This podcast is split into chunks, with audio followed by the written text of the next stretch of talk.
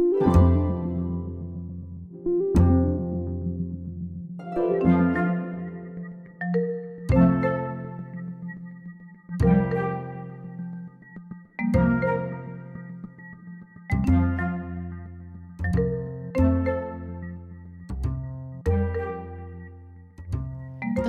Andra delen av vår årsmöteskonferens den 10 maj 2023 med fokus på försäkringsbranschens roll i kris och krig. Och den första talaren är Tetiana Korobova, Deputy Director på Insurance Business Association Ukraine och hon berättar om hur de agerar när kriget kom och hur det påverkade den ukrainska försäkringsbranschen. Det här segmentet kan vara lite svårlyssnat men med lite extra koncentration så tror jag att du får med dig nyttiga insikter och råd. Hennes presentation finns också via länk i avsnittsinformationen som kan vara också till en hjälp. Och där finns också ett tacktal från Vyacheslav Cherinovsky, General Director på Business Association Ukraine, som också fanns med på länk under årsmötet. Efter Tatiana hör du Fredrik Strömberg, Managing Director, Interim CEO på Guy Carpenters, Norden Baltikum, berätta om återförsäkringsmarknadens viktiga uppgift vid kris och krig. Och därefter hör du Håkan Nyström som är vice ordförande i Svensk Försäkrings sjö och transportutskott och Marine Product Manager på AIG Europa. Berätta om vad som händer med de marina försäkringarna när kriget slår till. Och avslutningsvis så hör du koncernchef för Folksam, Ylva Wessén och Carl Wern, koncernsäkerhetschef, som avslutar med erfarenheter kring just deras Då tror jag också att vi har med oss våra kollegor från eh, vår ukrainska organisation med oss online. Stämmer det? Ska vi ta det här på engelska? Dear conference participants, it is a privilege for us today to have participation by Ukrainian colleagues at our conference. As we discuss how to prepare ourselves for hard times, we have close to us our European friends, the people of Ukraine, who stand in the midst of, a, of the harsh realities of war with human suffering and loss of lives due to the aggressive Russian invasion. It is my pleasure to introduce to you from the Insurance Business Association Ukraine, Wojciech Czerniakowski, who is General Director, and Tetiana Korobova, who is Deputy Director.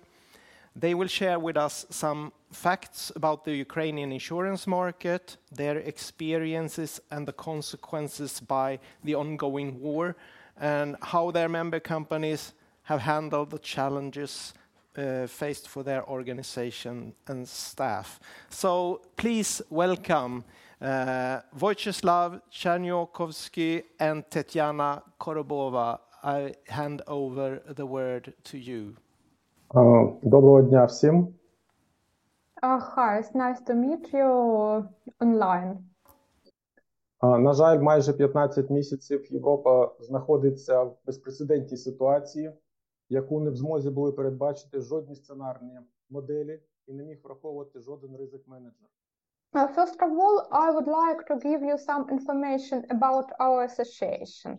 You can see this information on, on, the, on slide. The Insurance Business Association is an association of participants of the insurance market of Ukraine, and it was established in uh, 2004, more than uh, 18 years ago. The association includes uh, 31 insurance companies, there is a, there are these are companies with Ukrainian capital that that have been successfully operating on Ukrainian market for a long time. There are many regional insurance among our participants.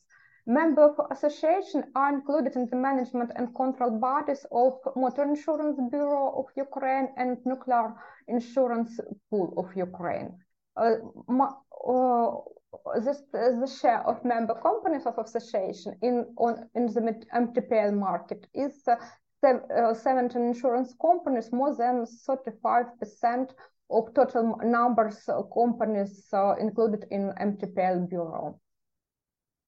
uh, Par asked us to keep numbers short, so there was uh, there will be a few slides with uh, data and key indicators and uh, more information. The extended version of uh, Vyacheslav's presentation will be shared with all attendees after the conference. So I just uh, make a very short notice about key indicators of insurance market in Ukraine. On this slide, you can see the main in indicators of Ukrainian market uh, comparing with uh, European, uh, Eastern and South European markets. Premiums uh, by insurance lines uh, the left part in Ukrainian hryvnia, the right part in millions USD. As you can see, we have two drops. One drop in uh, in the last year caused by the war, and another one in uh, 2020. And uh, unfortunately, it caused not only by COVID pandemic, but also by changes in uh, regulatory politics. So, number of insurance companies in Ukraine. Uh, as you can see, it's uh, a certain uh, constant decrease in numbers of companies uh, in Ukrainian market. And unfortunately, I I have to say it one more time. It uh, was affected. It has been has has been affected by uh, regulatory changes uh, in Ukrainian law. Inflation adjusted insurance premiums, main line of uh, business, uh, last uh, two years. As you can see, all lines has been facing big enough decrease. Only green card of increase increases increases because of uh, many Ukrainians who was forced uh, to move uh, into European countries. Yes, and uh, from uh, data and numbers to real practice uh, case case and situation with the Ukrainian companies. So, about the main challenges faced by insurance companies during the war. Uh, first of all, some of offices of companies registered in cities in the east of Ukraine and branches were uh, was situated in the east were badly damaged and even sometimes destroyed or ended up in occupied territory. Uh, part of uh, employees of the companies were injured during the missile strike and uh, or maybe drafted into the defense force. Uh, some employees uh, went missing or have been occupied on occupied territories. in the first weeks of the war, some employees could not work normally because they had to evacuate their families to the eastern part of Ukraine or abroad but uh, most part of our employees not our i mean not only our association but all uh, insurance companies they were ready to work even from bomb shelters.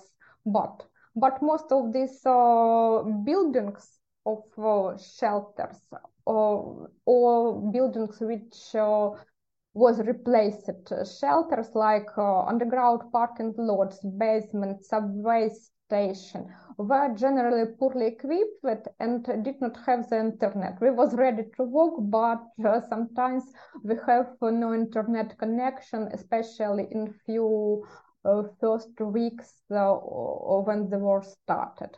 And uh, certainly we have been facing problems with power supply communication and the internet. And these problems was especially noticeable in the first months of the war and uh, this winter when uh, during the massive missile strike of Ukraine. And, and, another one challenge faced by insurance companies. Uh, in uh, more than one year ago, in the March of uh, 2022, uh, we conducted a survey uh, among uh, the companies of our association. And according to our survey, only 5% of companies continue to work without any problems. about 60% of companies continue to work but uh, had been experiencing uh, difficulties, and almost a third part uh, have interruption in the operation and can work uh, partial, uh, partially, may I say, to, to some extent. And almost 10% uh, of companies cannot continue to operate. This year situation get uh, getting better? Is getting better? This year most insurance companies operating in ukraine market have managed to stabilize their activities and however as uh, i mentioned i have to mention these companies which are leaving the market they are leaving the market not only because of con the consequences of the war but also because of excessive and redundant regulatory requirements. What have been helping us uh, to keep the business running?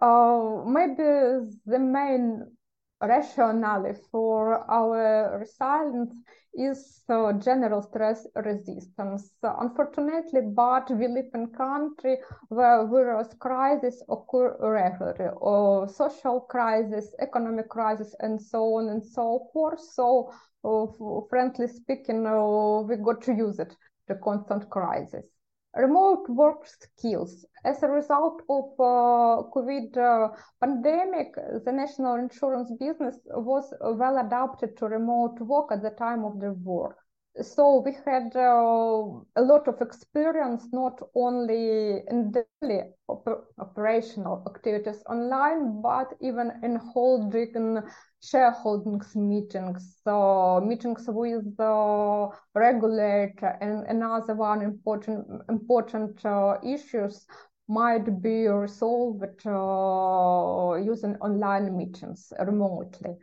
a high overall level of uh, digitalization in Ukraine. Uh, for example, many people in Ukraine have electronic digital signatures, even individuals, not only companies. So it uh, allows uh, to, to sign up uh, the documents remotely, and it, it was uh, extremely useful during the war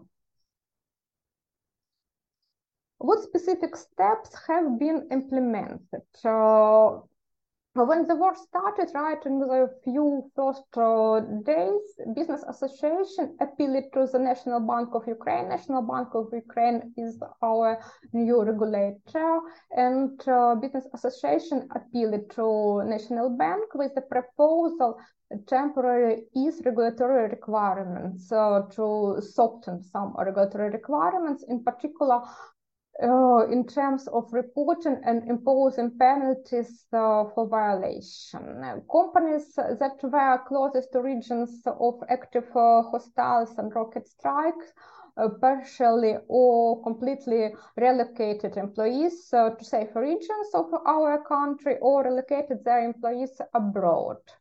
Uh, one of the most important things, it was uh, moving servers to a safe location and transferring key information to cloud storage because no information, no possibility to continue uh, an operational work.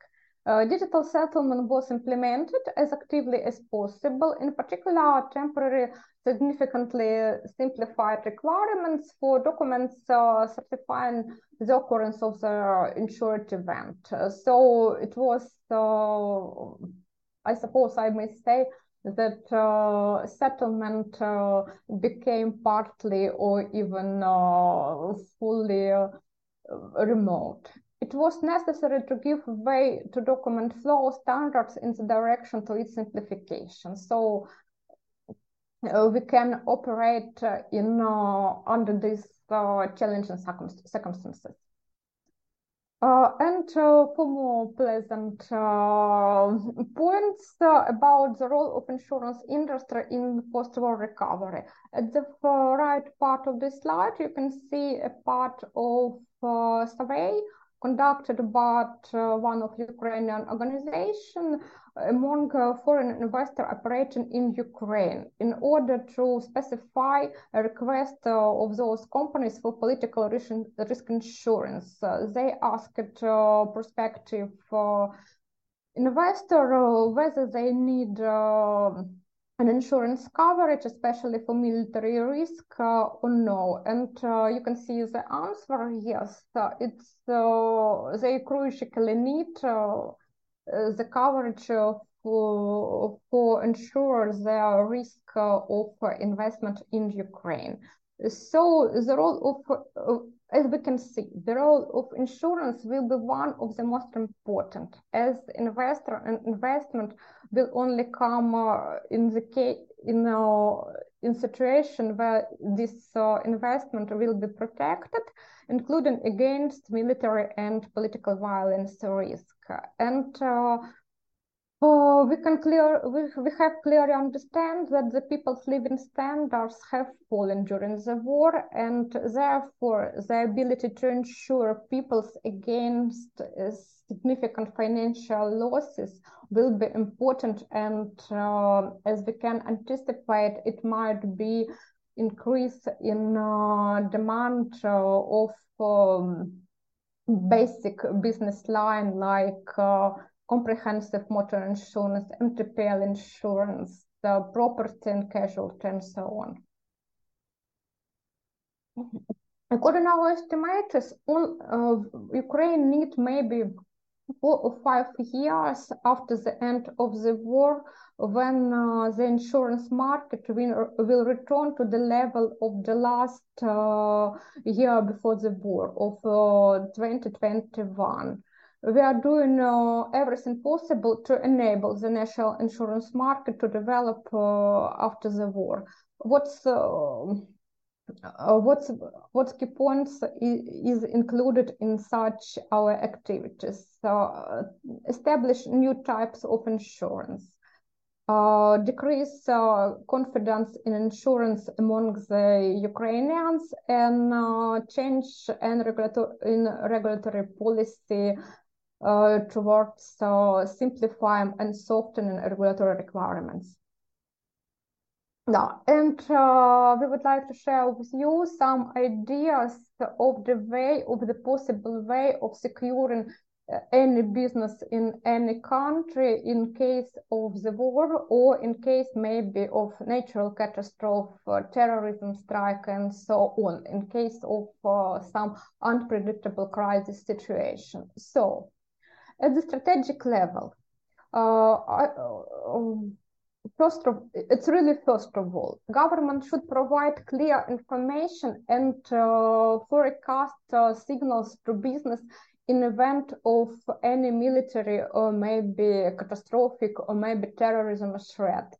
Uh, to avoid the situation which uh, happened in ukraine when Mr. Zelensky, Ukrainian president, uh, before the war promised uh, uh, and told the nations, you have no reason uh, to worry. There won't be uh, a war. You can uh, prepare yourself for festival, festive days and barbecue the, for the day for the May holidays. As, and as we can see, it was a mistake uh, the war was started uh, instead of uh, my holidays so it's really extremely important that government government institution provide clear signals clear forecasts clear anticipation in case uh, if uh, there is uh, any signs of global threats.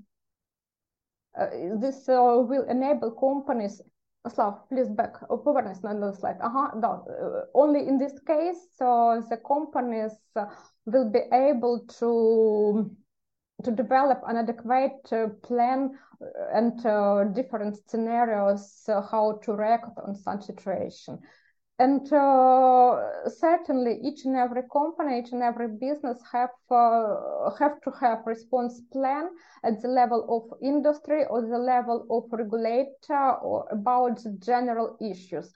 How we can pay tax uh, if uh, will start, how we will submit reports, how we will conduct aud audits, and so on and so forth. So the first our uh, advice may be to have a plan and uh, uh, to provide a clear information about potential threats of governmental level and of uh, on the level of uh, regulator, market regulator, industry regulator.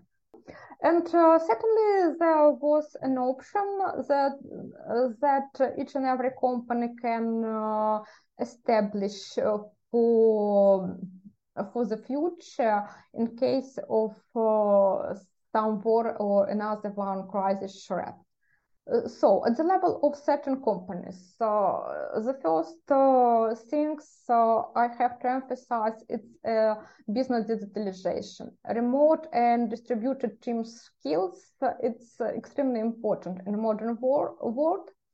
Uh, the next one, uh, you have to have uh, at least basic level of energy independence of office. It's extremely important and uh, duplication of all key business information in cloud service, including on servers in our countries. One of the key points because uh, we had uh, some very um, challenging stories when CEO of uh, insurance companies by his own hands, uh, it's uh, literally in his own hands, was removing the servers from one part of the city to another one more safe. So it's a really critical point to have all business information in cloud service or in uh, on servers or in uh, real really safe places.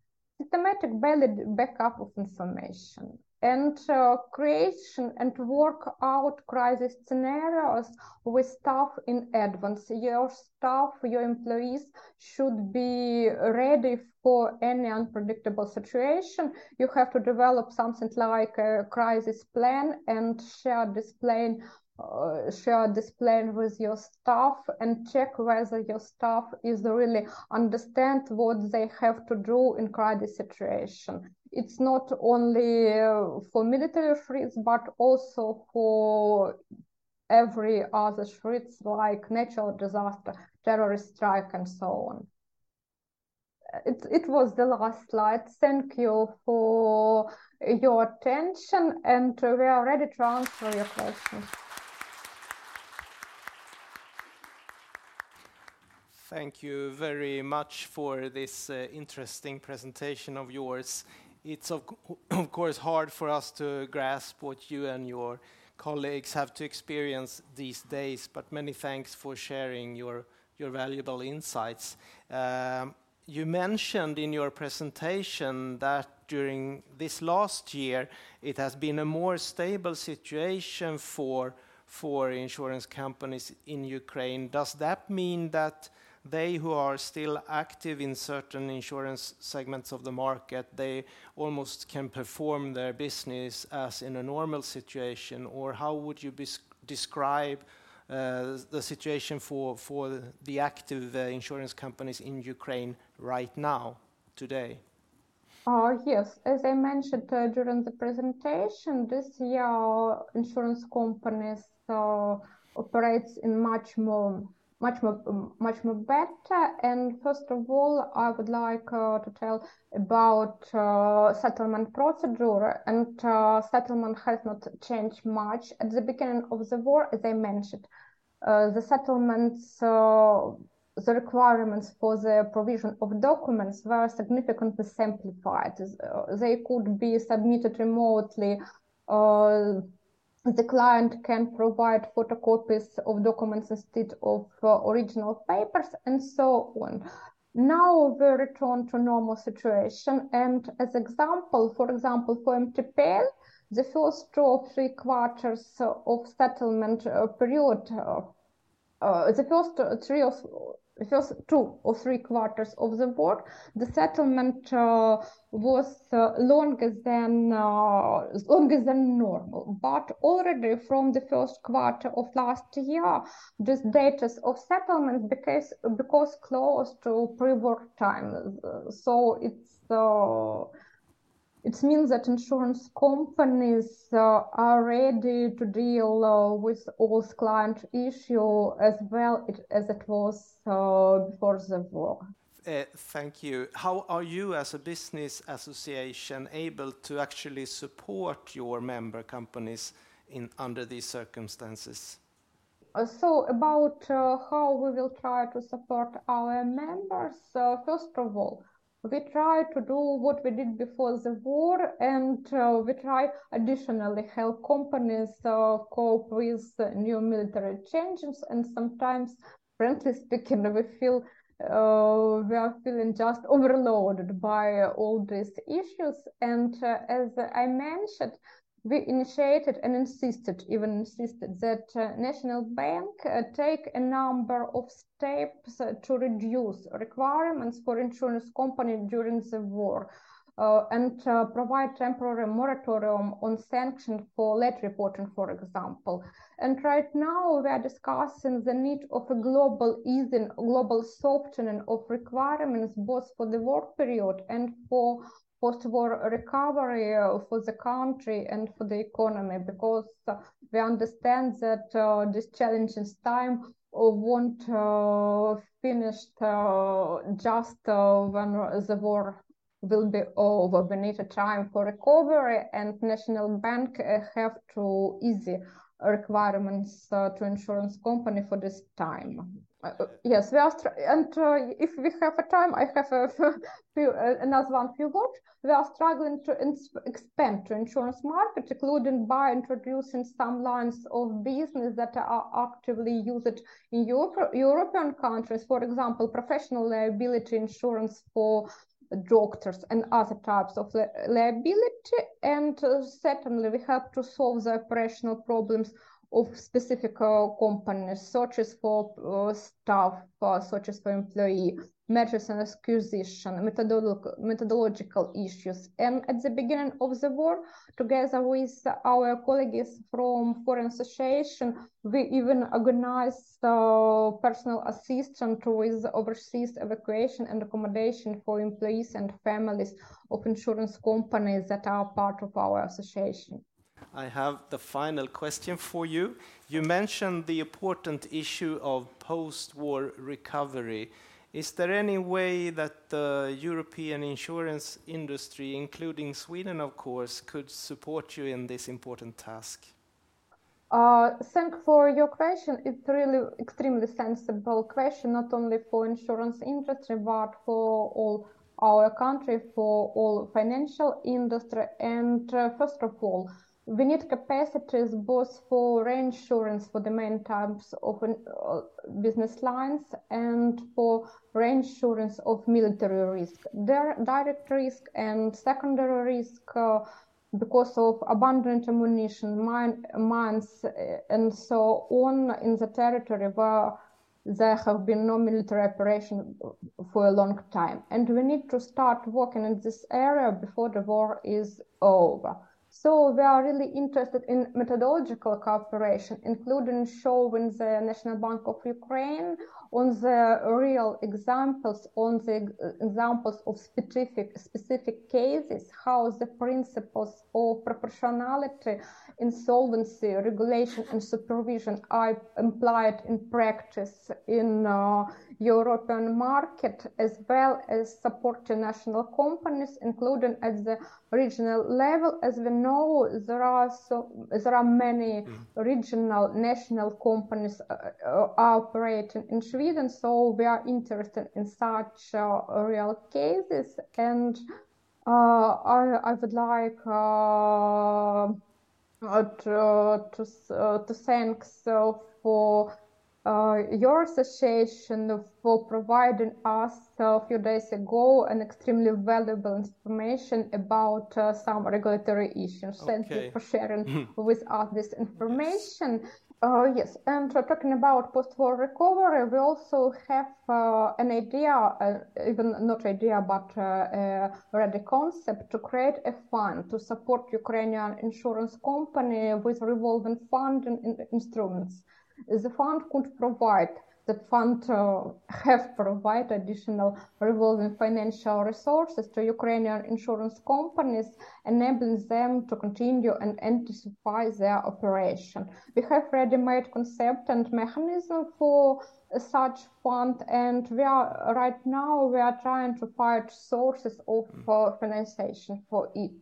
Okay. Uh, yes, thank you very much for your interest in uh, the Ukrainian market. It was our pleasure to attend uh, this conference, and uh, uh, we hope maybe next year, year we will be able to attend this conference in person. Thank you very much for invitation. Okay, thank you very much. A big hand. Thank you. Thank you, dear I'm sure we will have more information exchange in other ways. So uh, we wish you all the best. Uh, may you have success and be victorious in, in your uh, future work. Many thanks for today. Och då ska Thank vi... you very much. Thank, Thank you. you for your support for Ukraine. Tack så mycket. Thank you. Då ska vi gå vidare i programmet och eh, då ska vi raskt eh, se om vi har vår nästa talare. Jo då, vår nästa talare är Fredrik Strömberg. Eh, och välkommen upp medan jag Ja, medan du snart är på scenen så kan jag nämna att du Fredrik, du är tillförordnad VD på Guy Carpenter i Norden och Baltikum. Mm. Eh, och ni är ju ett företag, ett globalt företag. Ni erbjuder många tjänster vad gäller riskhantering och inte minst återförsäkring. Och du ska ge oss en beskrivning av omvärldsläget och de risker som också försäkringsverksamheter har att hantera och även då koppla det till utvecklingen i Ukraina och Europa. Så med den här så kan du bläddra. Är det den gröna så bläddrar du fram bilden. Det var lätt. Tack. God förmiddag. Mitt namn är Fredrik Strömberg eh, och jag jobbar som sagt var eh, inom återförsäkring. Och jag känner mig aningen otacksamt efter det här allvarliga och seriösa inslagen som vi har haft hittills, för jag kommer bara att tala om pengar. Ehm, eh, för det är vad återförsäkring handlar om. Det är lite, lite trist. Um, jag tänkte bara snabbt gå igenom eh, eh, väldigt hastigt vad återförsäkring är. Ehm, sen så säga eh, lite grann om kriser generellt sett ehm, och sen så avsluta eh, några ord om, om just den här krisen som, som har behandlats just nu, Ukraina, eh, ryska Belaruskrisen. krisen jag vill liksom kanske börja med att, att eh, eh, anknyta till det som Charlotte sa i morse, att, att kris det är det nya normala. Och, och, och det är väl det som, som är kanske anledningen till att, till att jag är här, eftersom att återförsäkring handlar om kris. Stora grejer går sönder och kostar väldigt, väldigt mycket pengar och då, då, det, det är det man har återförsäkring eh, till. Så i princip kan man säga så här att om man har liksom en hög med pengar man är ett försäkringsbolag, man tycker det här är jättekul. Så säger man så här, jag vill återförsäkra så här mycket risk. Ja, då säger tillsynsmyndigheten i, i, i landet, det går alldeles utmärkt, varsågod. Men säger man, jag vill återförsäkra lite mer, eller försäkra mig lite mer, eller flera, ja, då blir det besvärligt. Ehm, och där, för att förklara vad återförsäkring är, då kan ett försäkringsbolag förstås göra ett antal olika saker. Han kan gå till aktieägare, skaffa lite mer pengar, han kan låna, han kan kanske göra det han gör bättre och behålla pengarna själv och därmed också finansiera utökat risktagande. Eller så kan han använda sig av återförsäkring. Och den här introduktionen var bara för att bevisa, eller visa att återförsäkring är egentligen ingenting annat än en ersättning av kapital. Och det är det som, som vi sysslar med eh, dagligdags och när jag talar vi så, så, så, så jag jobbar så, som, så, som mäklare inom detta eh, och, och, när jag talar om köpare så är det försäkringsbolag i Norden och när det gäller återförsäkring så menar jag återförsäkringsbolag i världen. Så det är lite sådär generellt, liksom. det är inte specifikt för Sverige. Um, vi gillar ju liksom såna här eh, sannolikheter i, i, i försäkringsbranschen, i alla fall jag gör det. Här, nere, här har vi då liksom en liten kurva och här har vi eh, sannolikheter och här har vi liksom vad som händer med ditt kapital. Så om, om, man tänker sig så här att man driver en försäkringsverksamhet och sannolikheten eh, eh, för att skador är väldigt, väldigt hög, men den, dess, dess, påverkan på kapital är väldigt lågt. Det är en typ av försäkringsrörelse eller försäkringsverksamhet som förstås försäkringsbolag normalt sett bär själva.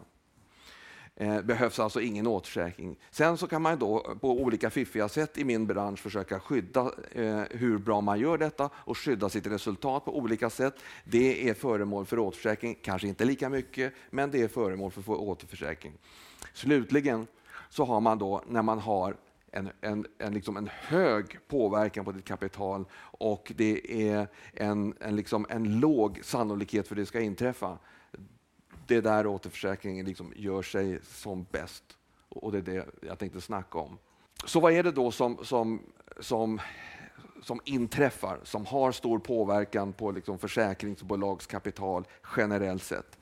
Jo, det är en förskräckligt massa grejer. Normalt sett tänker man naturskador av olika slag. Det är bränder och det är stormar och det är jordbävningar och det är tsunamis och det är eländes elände. Det är eh, eh, skadehändelser som påverkar försäkringsbolag så pass mycket att deras återförsäkring kan, kan eh, eh verka.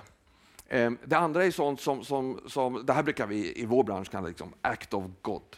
Sen så liksom lite mer grejer som, som vi människor eh, eh, eh gör mot varandra som kostar mycket pengar. Vi har olika typer av legala battles, eh, utlåtande från domstolar, vi har terroristangrepp, vi har också finansiella skador, det vill säga finansiella kriser som utlöser försäkringar av olika slag inom garanti och kreditsidan som är också stora händelser som omhändertages till dels utav återförsäkring.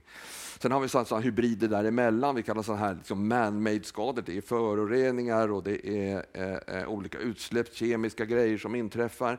Sen har vi också in, inom liv hög mortalitet, mortalitet, helt plötsligt kan det faktiskt hända och, och, och det kan vara en katastrof i sig.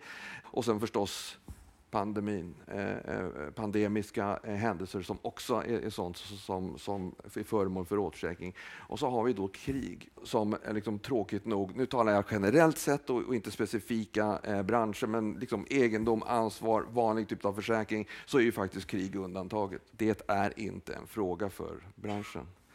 Eh, det känns ju trist att säga det i det här sammanhanget, men, men, men, men så är det. Och, och, och, det. och det är förstås kringgärdat av en förskräcklig massa undantag.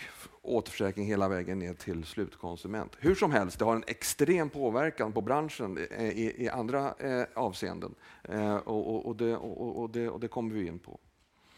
Okej, okay, stora skador då. Hur ser de ut? Det här är en bild på stora skador i ganska modern tid som har drabbat världen. Och med stora skador så säger vi skador som överstiger 100 miljoner, eh, alltså en miljard i runda slängar. De räknar vi, resten skiter vi och så tittar vi på hur mycket som har hänt trots allt. Och det är ju en hel del. Man kan säga så här att, att eh, eh ja, man ser ju direkt på den här grafen från 2013 till 2022 att jag menar, det verkar ju bli värre och värre. Ja, och det, är, det blir det ju också. Det blir värre och värre. Eh, den här visar i vilka kvartal de här stora skadorna inträffar på marknaden och det gröna är det tredje kvartalet och det är inte så konstigt att det är det största för det är då det liksom stormar och blåser som mest i, i, i delar av världen. Den här lilla pluppen här uppe, den lila där, det är skador till följd av Ukraina-kriget. Jag kommer att återkomma till det. Men om man då ser i perspektiv så ja, det är förskräckligt och det är ja, beyond words. Men i pengar så, så, så, så, så, så, så drabbar det inte så mycket egentligen, direkt i alla fall.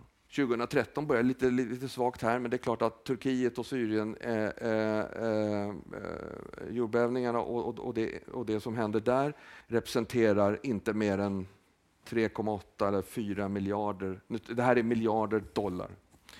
Eh, 4 miljarder dollar i faktiskt direkta kostnader och det känns ju hemskt också i det här perspektivet att bara behöva nämna det, att sådana katastrofer av, av, av liksom obegripbar storlek ändå inte kostar så vansinnigt mycket pengar. Okej, okay, det här är ett annat sätt att se det. Vi behöver inte gå in på alltihopa. Det här, eh, vi kan distribuera den här bilden sen, va, eller?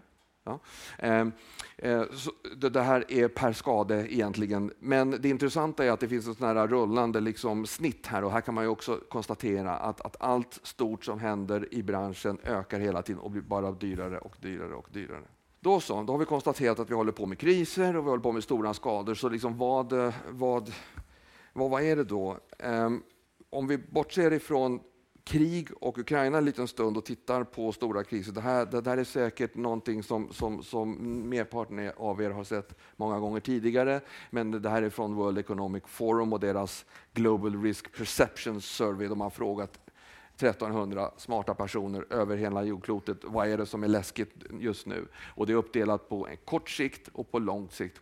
Och på kort sikt så, så ser man ju förstås cost of living är ju en, en, en stor sak. Geoeconomic confrontation, ja förstås. Men i övrigt är det liksom lite, lite grönt. Grönt representerar naturkatastrofer. Eh, om man tittar på lång sikt så, så, så, så vad samma grupp säger så, så är det väldigt mycket naturkatastrofinriktade faror som, så, som är ett omedelbart hot för dem. Man kan se det på ett annat sätt. Det här, blir, det här är jättekomplicerat, men, men, men, men det här är många av de faror som är identifierade av samma grupp och hur de hänger ihop. Liksom, det där händer det och så händer det och så händer det och så blir det värre och värre. Och så, ni, det, vi ska inte gå, gå, gå igenom den här på, på något sätt, men däremot så, så jag tänkte ta upp individuella risker som min bransch, eller försäkringsbranschen i stort sett, ser framför sig som lite läskiga. Återigen inte krig, men i alla fall.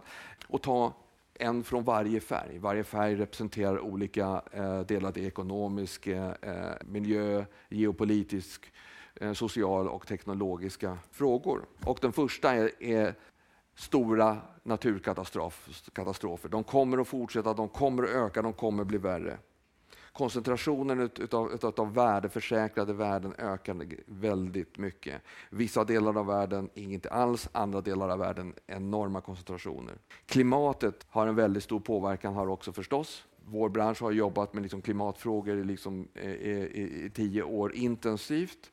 Eh, så det är inte någon nyhet. Någonting som också har hänt eh, klimatrelaterat är att i vår bransch så säger vi så kallade secondary perils. Om det är så här att man bedriver en försäkringsverksamhet så kommer tillsynsmyndigheter och aktieägare att säga så vad är det värsta som kan inträffa?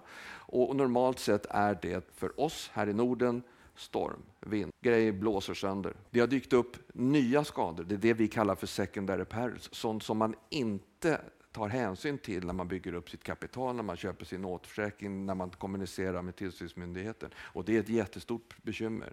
Bland annat de, de stora eh, översvämningarna som skedde i Tyskland är ett jättebra exempel på det, då bolag faktiskt går i konkurs för någonting som inte kostar mer än 7 miljarder euro, bara den enskilda skadan. Alltså det, det är jättepengar, men, men det är inte en sån här liksom rock the world-skada. Eh, men de gick i konkurs. Varför inte? jag? de hade inte tillräckliga skydd för just den här händelsen. Det är klimatrelaterat. Översvämning kommer få, vi får få mer, det, det, kommer regna mer. På med stövlar. Okej, okay. en, en, annan stor sak det, det, är inflation och det här är inte något nytt för, för, för, för er som, som, som, jobbar i, i branschen. Det är ett, ett, någon har skrivit att det, här är den största utmaningen för återförsäkrings och direktförsäkringsbranschen 2023. Och det, finns, det kan man till sitt, i viss mån hålla med om.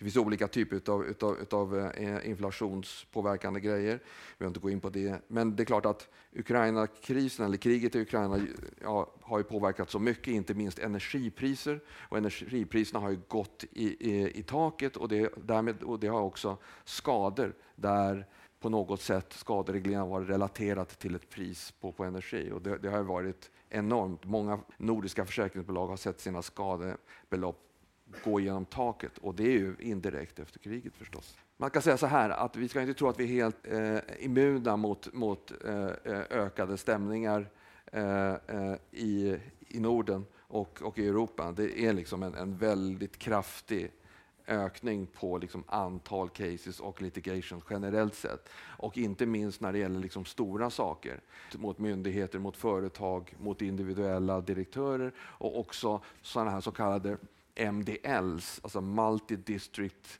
litigation, när man, när man inte går bara för just den här händelsen i den här staden eller i det här landet, utan man går för hela regioner. Och där, där, där, där talar vi om, om stämningar för eh, Asbest är det som, som är känt sedan gammalt, men liksom cybersäkerhet, typisk sån grej.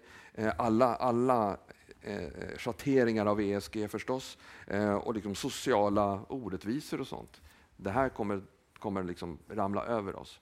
Och just för tillfället, man har ju talat om liksom studenter som stämmer sin, sin, sitt land så för att de inte gör tillräckligt på, på klimat. Men det är alltså 2300 sådana cases i världen ongoing just nu. Vi har varit inne på teknologi tidigare idag. Cyberrisker är ju jättestora. Det, så, det, det, som hände det var det att liksom ransomware är något, oh, det är läskigt. Och det liksom spikade verkligen och det, och det drabbade ju världen ganska mycket. Det kostade jäkligt mycket pengar, det var mycket elände kring det, men det har gått ner. Det har också priset på en cyberförsäkring har gått ner ganska rejält sista året. Men tittar man på, okej okay, vad händer nu då? Eh, ransomware, det kostar vansinnigt mycket pengar, vi behöver inte gå in på det, men, liksom, men det blir mindre och mindre. Det, det, växer inte mer. Men massa andra läbbiga grejer dyker upp. Så att, så att de här som håller på med, med sånt här är ju smarta som tusan och liksom hittar andra saker att skada oss på. Eh, och det är förstås eh, någonting att, att definitivt eh, ta som en stort kris eller, eller, eller hot för framtiden. En annan är, är liksom lite mer svårdefinierad men också diskuteras åtminstone i min bransch ganska mycket och det är scarcity, alltså att det blir ont om pryttlar. Och det är en effekt av många av de saker som jag sagt tidigare. Det är, det är vatten, det är mat, det är att ta hand om avfall, biodiversitet, eh, luft, metaller och, och, och, och, andra saker som liksom yngre människor, kunskap, utbildning och, och sånt där. Det här är ett stort hot och som, och som eh, försäkringsbranschen förstås måste följa och, och, vara beredd på. Avslutningsvis, så, det här kan man ju snacka om inte jag, jag fattar inte ett skit, mina ungar gör det i alla fall, men liksom chatt och AI och alltihopa, det här är läskigt som tusan. Det, det är massa implikationer för försäkringsbolag och, försäkring, och för täckning av detta. Um, så det, vi tar ingen debatt om det. Space är liksom en annan sak. Eh, det, det, finns liksom Planet B eh, eh, tankegång, att vi ska kunna ut, eh, liksom, eh, kolonisera. Och det är många som jobbar på det, mycket, mycket allvarligt. Men, men, men mer omedelbart hot är ju liksom alla de här prickarna, det är liksom rymdskrot, det är satelliter och, och, och strunt eh, eh, om oss och det är ju liksom en enorm mängd. Förr eller senare måste vi börja städa i det här eh, eh och då, då, kan man ju bara förutse kostnaderna i samband med det. Någon har uppskattat värdet av den här verksamheten 2050 till 10 triljoner US-dollar. Jag vet inte hur mycket det är, det är så många nollor som man inte förstår. Men det här satsas väldigt mycket på och, och, och det är på något sätt en framtidssak. Ukraina, eh, som jag sa, skadan är ganska liten för liksom, försäkrings och återförsäkringsbranschen på direkt basis. Eh, vi kallar den för en earnings event, det vill säga den täcks av de premierna som du har fått in under året för att betala de skadorna som det här innebär. Så, så det är liksom ingen större katastrof. Men det är klart, det har en jättestor inverkan på allt möjligt annat eh, eh så, så, som berör försäkringsbranschen. Det som på kredit och political risks där ligger det i, i skadestorlek ungefär 5 miljarder dollar. Någonting som kostade väldigt mycket, som, som förvånade alla, det, det, var aviation, alltså flyg, det vill säga flyg som stannade och blev, och blev strandsatta där. Där talar vi uppåt 13-14 miljoner miljarder dollar. Så totalt sett 20 miljarder plus ungefär skulle jag tippa att den här eh, skadan kommer, kommer att kosta. Det är ju väldigt svårt att uppskatta det förstås. Ehm, och någonting annat som hände ehm, Eh, det var det att det infördes i branschen så kallade territoriella eh, undantag, det vill säga att försäkringsbolagen säger så här att ja, ja, vi kan täcka det, men inte, men inte i det här territoriet. Tidigare har man hanterat krig och konflikter på ett annat sätt och införa sanktionsklausuler som i och för sig bara innebär att, eh, att under tiden som någon är sanktionerad så betalar man inte för en skada eller så, men ansvaret finns där. Men med territoriella exklusioner så tar man inte ett ansvar ens. Så, så, så det är en skillnad och det här har kommit till nu, åtminstone i de branscherna som jag håller, håller på med. Det är lite annorlunda med marin, så som du kommer in på lite senare tror jag. Cyber och sånt där förstås. Sen vad som också har, har hänt är, är, att de krigsundantag som finns i återförsäkrings och försäkringskontrakt har blivit bredare tyvärr. Så att, så att branschen har reagerat precis som vanligt, varit reaktiv och, och, nu är det här läskigt och det kan kosta pengar. Då, då, då, då ger vi mindre skydd. Det är inte så Trevligt, men det är så det fungerar.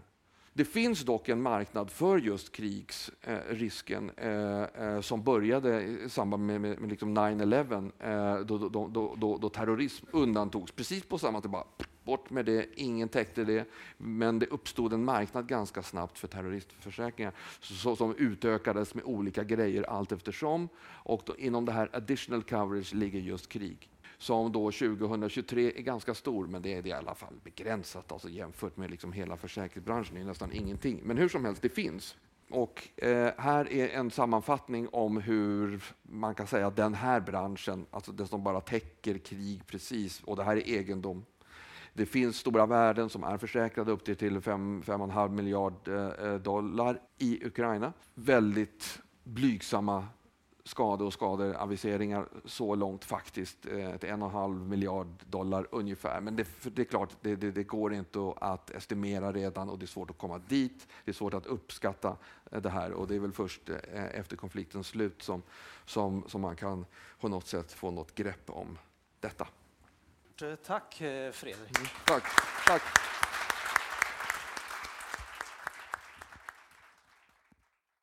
En fråga, du, delar ju upp en ganska, du målar upp en ganska dyster bild här av utvecklingen av olika risker i vår omvärld och hur det påverkar försäkringsmarknaden också. Mm.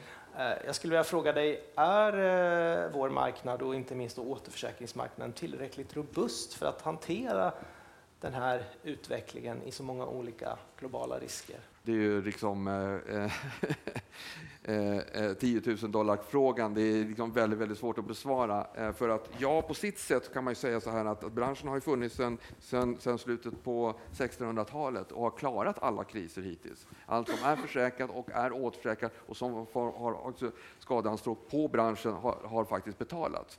Det, det, det har inte kommit till den punkt att den inte har klarat av det.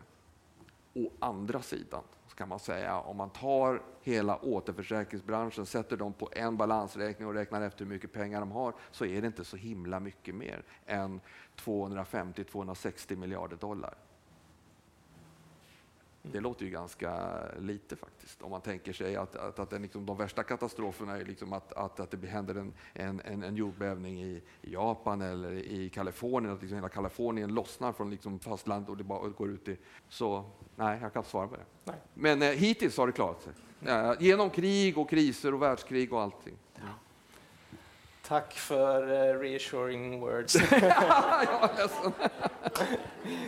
Tack. Tack.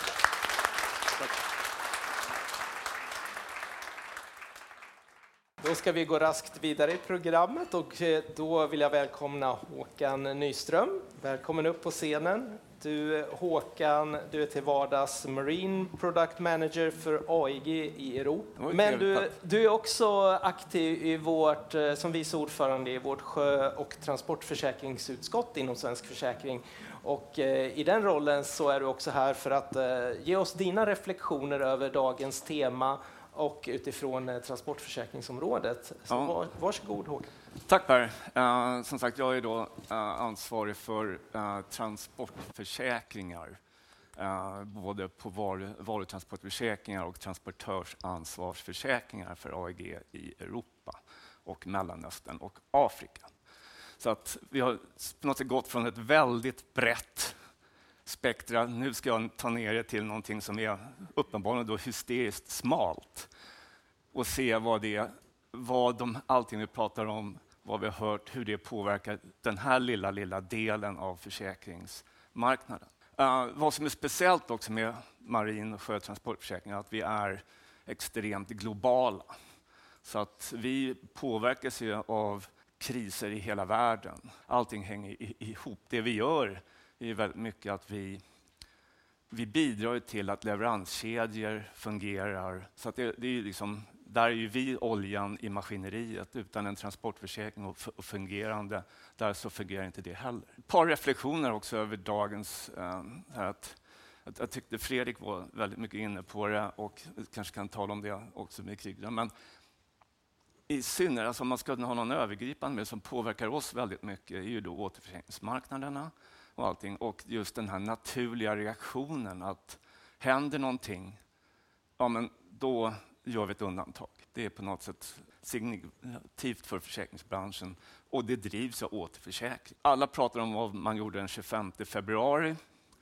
Eh, förut. Det vi gjorde var att vi satt och hela det globala AIG Marin ägnade sig dagar åt att sitta och säga upp krigsförsäkringar.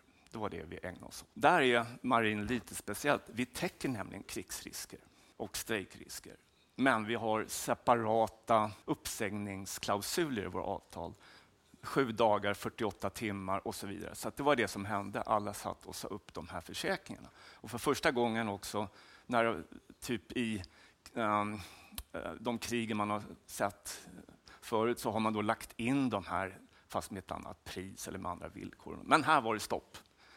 Eh, så det var det första som hände. Och där kan man också då reflektera vad de andra kriserna, vi tittar på cyber, ja men självklart så kommer återförsäkringsgivarna med ett cyberundantag som vi då måste föra ner. Det då var det första som hände, där, oj det här var läskigt. Terrorism, ja men det, det täcker vi inte heller och så vidare. Eh, så det är väl en sak. Men det som har påverkat sjö och transportförsäkringen mest de sista åren med de kriser vi haft, pandemin etc.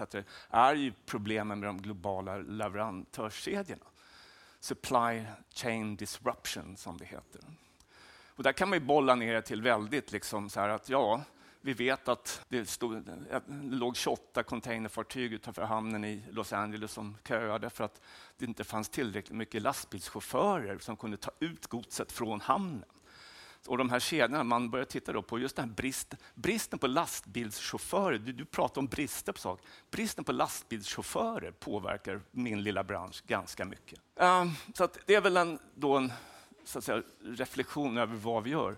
Att när det händer någonting och de här kriserna, så på något sätt så börjar vi undanta de här. Och sen som du säger så börjar det bygga upp någonting igen kriget i Ukraina, det som berör oss är ju givetvis då transporterna till och från och, och utom. Och då måste man tänka på den här grain corridor som de har nu, som man då, när lasterna går ut genom Svarta havet. Och där har ju då, när det här bildades, så kom då lösningar för transportförsäkringar, men dock icke krigsrisker för den här. Men det gjorde man separat från det andra, så det är väl ett, också en effekt av vad som sker. Restriktivare villkor, jag nämnde det. Det som händer nu som alla pratar om i branschen är så kallade five powers exclusion. Det vill säga om två av säkerhetsrådets fem permanenta medlemmar hamnar i luven på varandra så, upphör, eller så, så täcks inte det av någon försäkring inom vår bransch. Det är inte att de upphör, för de har funnits. Och, eh, och, och mycket av det här. Och det här förs ju då ner. Så det är väl det som, som händer där. Krigsförsäkringen och sjö. Vi som jag nämnde, vi har ju alltid täckt det här och vi har separata villkor för det och vi har haft en struktur för det i Sverige och också på internationell nivå. Vad vi upptäckte var väl ganska mycket att de här, den strukturen, då, tycker vi också hört att man, den, den kommer från 50-60-talet. Och när man började titta på det här för en tre, fyra år sedan, så att vi var faktiskt där då, så upptäckte man att det här är inte ändamålsenligt för dagens samhälle.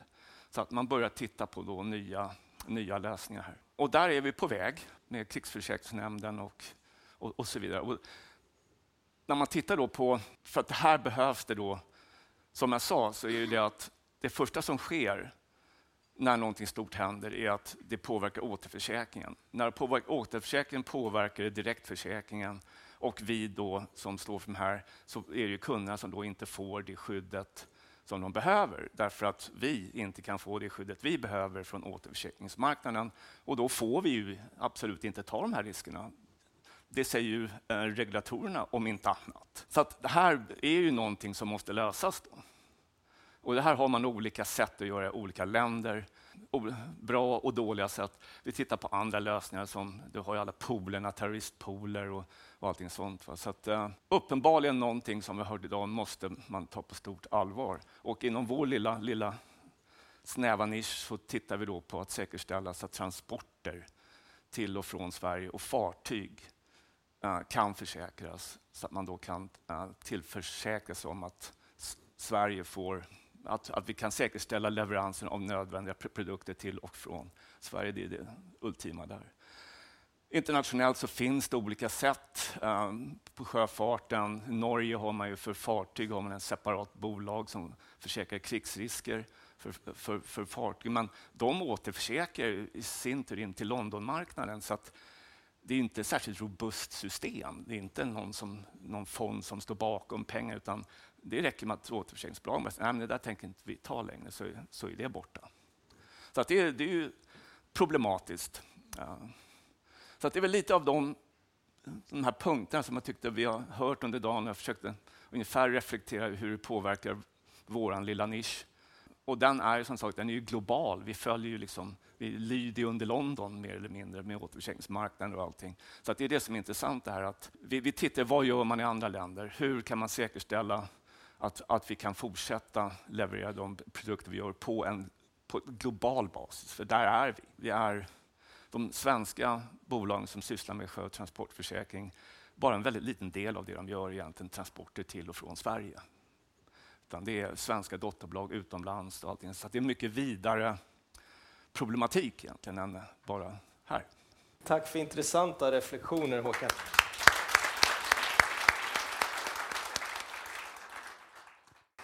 Du sa allra sist här att det är egentligen ganska lite ni sysslar med transporterna till och från Sverige, men det var ju lite grann det vi pratade om före pausen här, det vill säga vår civila beredskap, eh, försörjningsberedskapen, då är transporterna till och från Sverige nödvändiga och att de kan försäkras. Mm. Och det är också anledningen till varför det här är en viktig del av vår beredskapslagstiftning på försäkringsområdet. Hur skulle du säga att den beredskapen är idag? Är den tillräckligt bra? Ja, vi har snart, fördelen vi har haft är att vi har haft en, en struktur. Vi har försäkrat krigsrisker. Vi, så att det finns en massa kunskap om hur det har varit. Mm. Så det tror jag är en enorm styrka. Vi behöver inte börja från scratch. Som, som Fredrik sa, fabriker, byggnader är inte försäkrade mot krig. Eh, det vi har idag är ju det, och vi har haft strukturer förut. Så, att, så att vi, vi ligger nog bättre till än många andra. Men vi har haft ett system som vi måste skärpa till. Och där är vi nu, att vi håller på att skärpa till det. Så att svaret är nog så här, ja, jag tror det. Ja. Okej. Vi är, Någonstans, på, vi är på väg till något bättre. På, på gång, absolut, ja. och, och, det är på agendan. Och det är nummer ett, sätt det på agendan. Det har vi hört också här och nu. Ja. Och det är där vi är. Att, och gräv där vi står, ja det gjorde vi. Vi, vi började med, med det vi hade. Tack för det Håkan. Då ska vi gå vidare i programmet eh, till den sista presentationen idag och då vill jag välkomna upp Ylva Wisén som är eh, VD och koncernchef på Folksam och Carl Wern som är koncernsäkerhetschef på Folksam och ni ska tala un under rubriken Så bygger vi en robust försäkringsverksamhet i en osäker tid. Så, tack så mycket. Och, eh, Folksam, ja, men ni, ni, känner ju säkert till Folksam, så jag tänker inte gå in på, på vad vi är och eh, allt bra vi gör. Jag ska bara konstatera att vi har funnits i över hundra år. Så att vi har klarat oss igenom både ett första världskrig och ett andra världskrig och ett, många andra kriser under tiden också. Flera av de tjänster som vi har är samhällsviktiga. Vi har fokuserat mycket på sakförsäkringsmarknaden här, men jag vill också slå ett slag för pensionsbolagen och livförsäkringsmarknaden.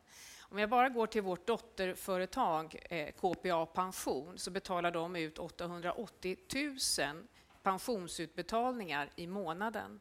Förra året betalade vi ut 23 miljarder till våra pensionärer i pensioner. Så att det här är ju en försörjningsfråga för det svenska samhället. Så att vi får inte glömma bort livbolagen, de är definitivt viktiga i det här. Eh, den här verksamheten som vi har, den behöver vi ju naturligtvis sköta eh, under, i fredstid, men vi behöver också förbereda oss för helt andra scenarion. Och här, hur gör vi det då? Ja, men som alltid så handlar det om att, att öva, att eh, öva kris och, i, i olika hänseenden. Och vi var, jag ska säga ganska tidiga, om man tittar i modern tid, på att öva krig. 2017 så gjorde vi en krisövning, eh, en skrivbordsövning här, och, eh, där vi hade scenariot krig. På den tiden så var jag vice VD och stabschef och hade satt det här temat på agendan och fick många höjda ögonbryn och mycket skepticism ifrån organisationen. Kan man i Sverige öva krig 2017? Är inte det här att ta i lite för mycket? Och så tittade man på mig och trodde att det där måste ju vara mitt finska blod som, som kokar eftersom jag har dubbla medborgarskap. Ja, det tyckte vi nog när vi började övningen, men oj vad vi inte tyckte det när vi hade övat. Som alltid så när, när du har gjort den här övningen, då är liksom reflektionen oj, vad bra att vi övade. Det fanns så många frågeställningar och insikter som vi inte fick i vanliga krisövningar, alltså när vi, när vi övar cyber, eller cyberattacker, hela vårt IT-system går ner. Vi hade till och med övat pandemi i matsalen, men den var betydligt mindre än den pandemin som vi har varit igenom de senaste åren. De insikterna som, som vi fick till oss när vi gjorde den här eh, krigsövningen, då, det var ju helt nya frågeställningar. Visst, vi konstaterade också force majeure snabbt i försäkringsvillkoren. Det är inte där problematiken ligger, att vi inte behöver betala ut försäkringsersättningar. Vi har en verksamhet som vi måste upprätthålla. Vi har ett ansvar för den och det finns inte en företagsledare i Sverige som bara kan konstatera ja men det är force majeure och sen så stänger man, stänger man dörren och så lämnar man nycklarna till, till Finansinspektionen. Det är inte där vi vill hamna. Vi är en samhällsaktör. Vi, vi vill ta ansvar för våra kunder och det är det perspektivet man måste ha i en sån här övning. Vad vi såg var ju att vi vet inte vilken av vår personal som blir krigsplacerad. Vi vet inte vilka människor som kommer komma in till kontoren och jobba. Vi har ehm, eh, samarbeten med en bank som har verksamhet i Baltikum. Den backoffice-funktionen som vi är beroende av för att göra vår rapportering till Finansinspektionen, kommer den att fungera? Helt plötsligt var vi liksom beroende av en annan stor aktör. Den här typen av, av insikter, den hade vi inte riktigt kommit i kontakt med tidigare i våra andra krisövningar. För att, att vi övar, det gör vi eh, regelmässigt varje år i centrala krisledningen. Eh, men det här blev helt nya frågeställningar. Och jag skulle nog säga att efter att ha lyssnat här idag att eh, på, på eh, våra representanterna från Business Association Ukraine 5 procent av försäkringsbolagen kunde fortsätta sin verksamhet utan problem. 95 procent alltså hade utmaningar. Och det är klart man kan hoppas på tur och tro att ja, men vi är nog de där 5 procenten, men, men vi hade inte varit det. Vi hade tillhört de 95 procenten som skulle ha utmaningar att driva vår verksamhet i en krigssituation. Och därför så är det viktigt att också fortsätta öva och göra planer. En annan insikt som kom till oss, eh, förutom att det är väldigt bra att öva, det är ju att vara beroendet av information. Vi behöver ha så korrekt information som möjligt. Det här är, det behöver man ju alltid i alla situationer, men, och det, det är svårt i, många, i många hänseenden. Men när du har, står i en krissituation, då är information A och O.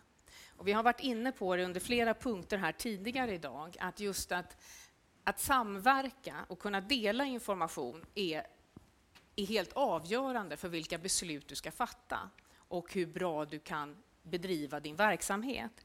Och vi kunde nu alla i den 27 april läsa i DN Debatt om eh, att regeringen eh, kommer att arbeta för att förstärka samverkan mellan Nationellt cybersäkerhetscenter och näringslivet.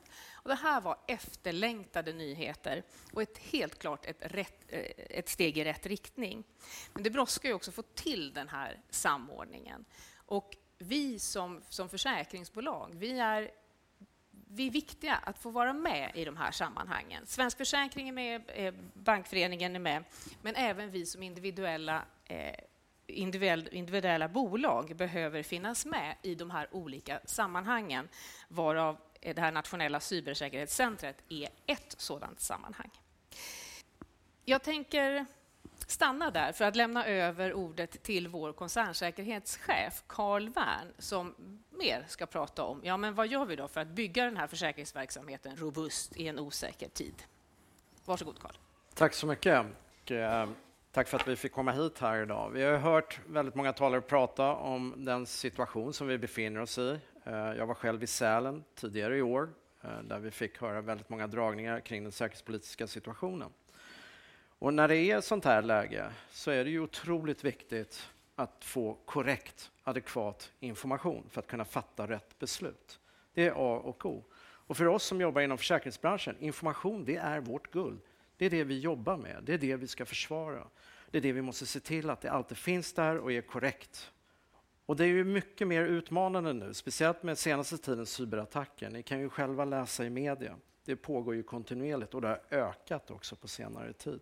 Och därför ökar även de insatser som vi vidtar för att skydda informationen, vilket också leder till ökade kostnader för samhället. För vi är ju inte ensamma om att vidta de här åtgärderna.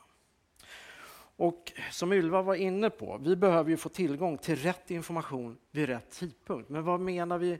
Vad är det för information vi behöver få tillgång till? Det kan vara information om hotaktörer. Vad är det för hotaktörer som vi har där ute som just nu försöker påverka oss?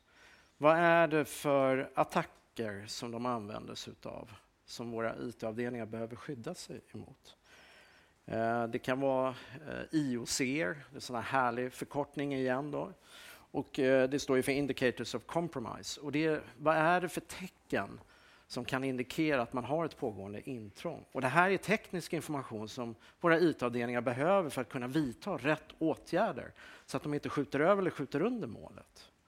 Otroligt viktig information, men som vi har märkt i tider av kris, väldigt svårt att få ut till oss företagen.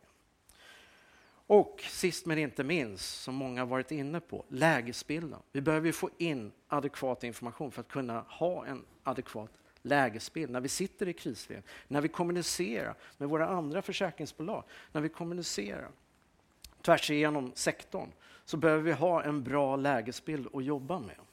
Och det är otroligt viktigt. Marknaden, som ni vet, översvämmas av olika privata aktörer. De har ju givetvis olika agendor. De är jätteduktiga på det de gör. Vi samarbetar själva med några av de här privata aktörerna, precis som många av er som sitter här i publiken.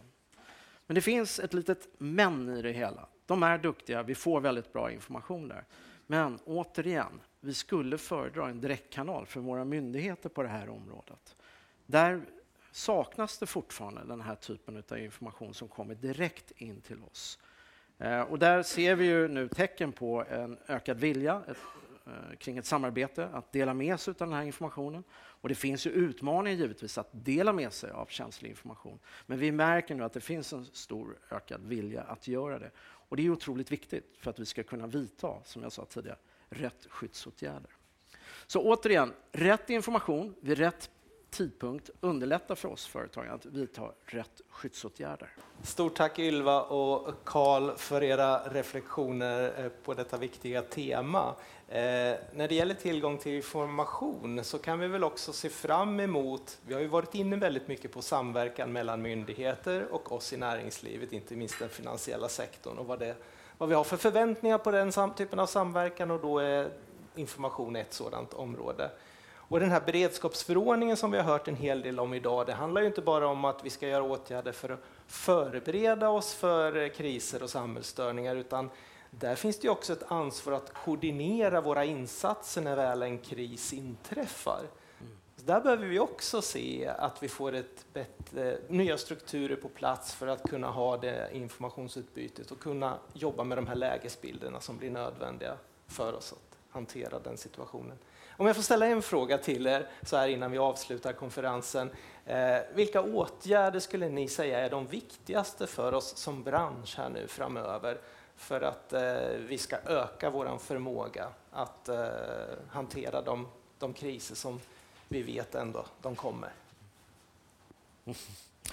Information, som jag varit eh, inne på tidigare, det är otroligt viktigt. Informationsflödet. Det får inte stanna någonstans på grund av att eh, någon känner en viss osäkerhet informationsflödet är otroligt viktigt för att kunna jobba med lägesbilderna så att mm. vi får upp adekvata lägesbilder. Men den andra biten, och nu låter jag som min gamla fotbollstränare, öva, öva, öva. Vi måste öva de här scenarierna och inte bara sitta där och ta fram kontinuitetsplanen och så kör man en tabletop exercise, utan ner 90 gritty. Ta ner den där servern, utsätt, hitta de kritiska flödena, plocka bort dem ur ekvationen, se vad som händer. Mm. Öva på riktigt, inte bara de här pappersexerciserna. Det är otroligt viktigt. Du har lyssnat på Försäkringssnack som den här gången var en ljudupptagning från årsmöteskonferensen 2023 Presentationer och bilder från konferensen finns på vår hemsida och länk till det hittar du i avsnittsinformationen. Vi hörs igen!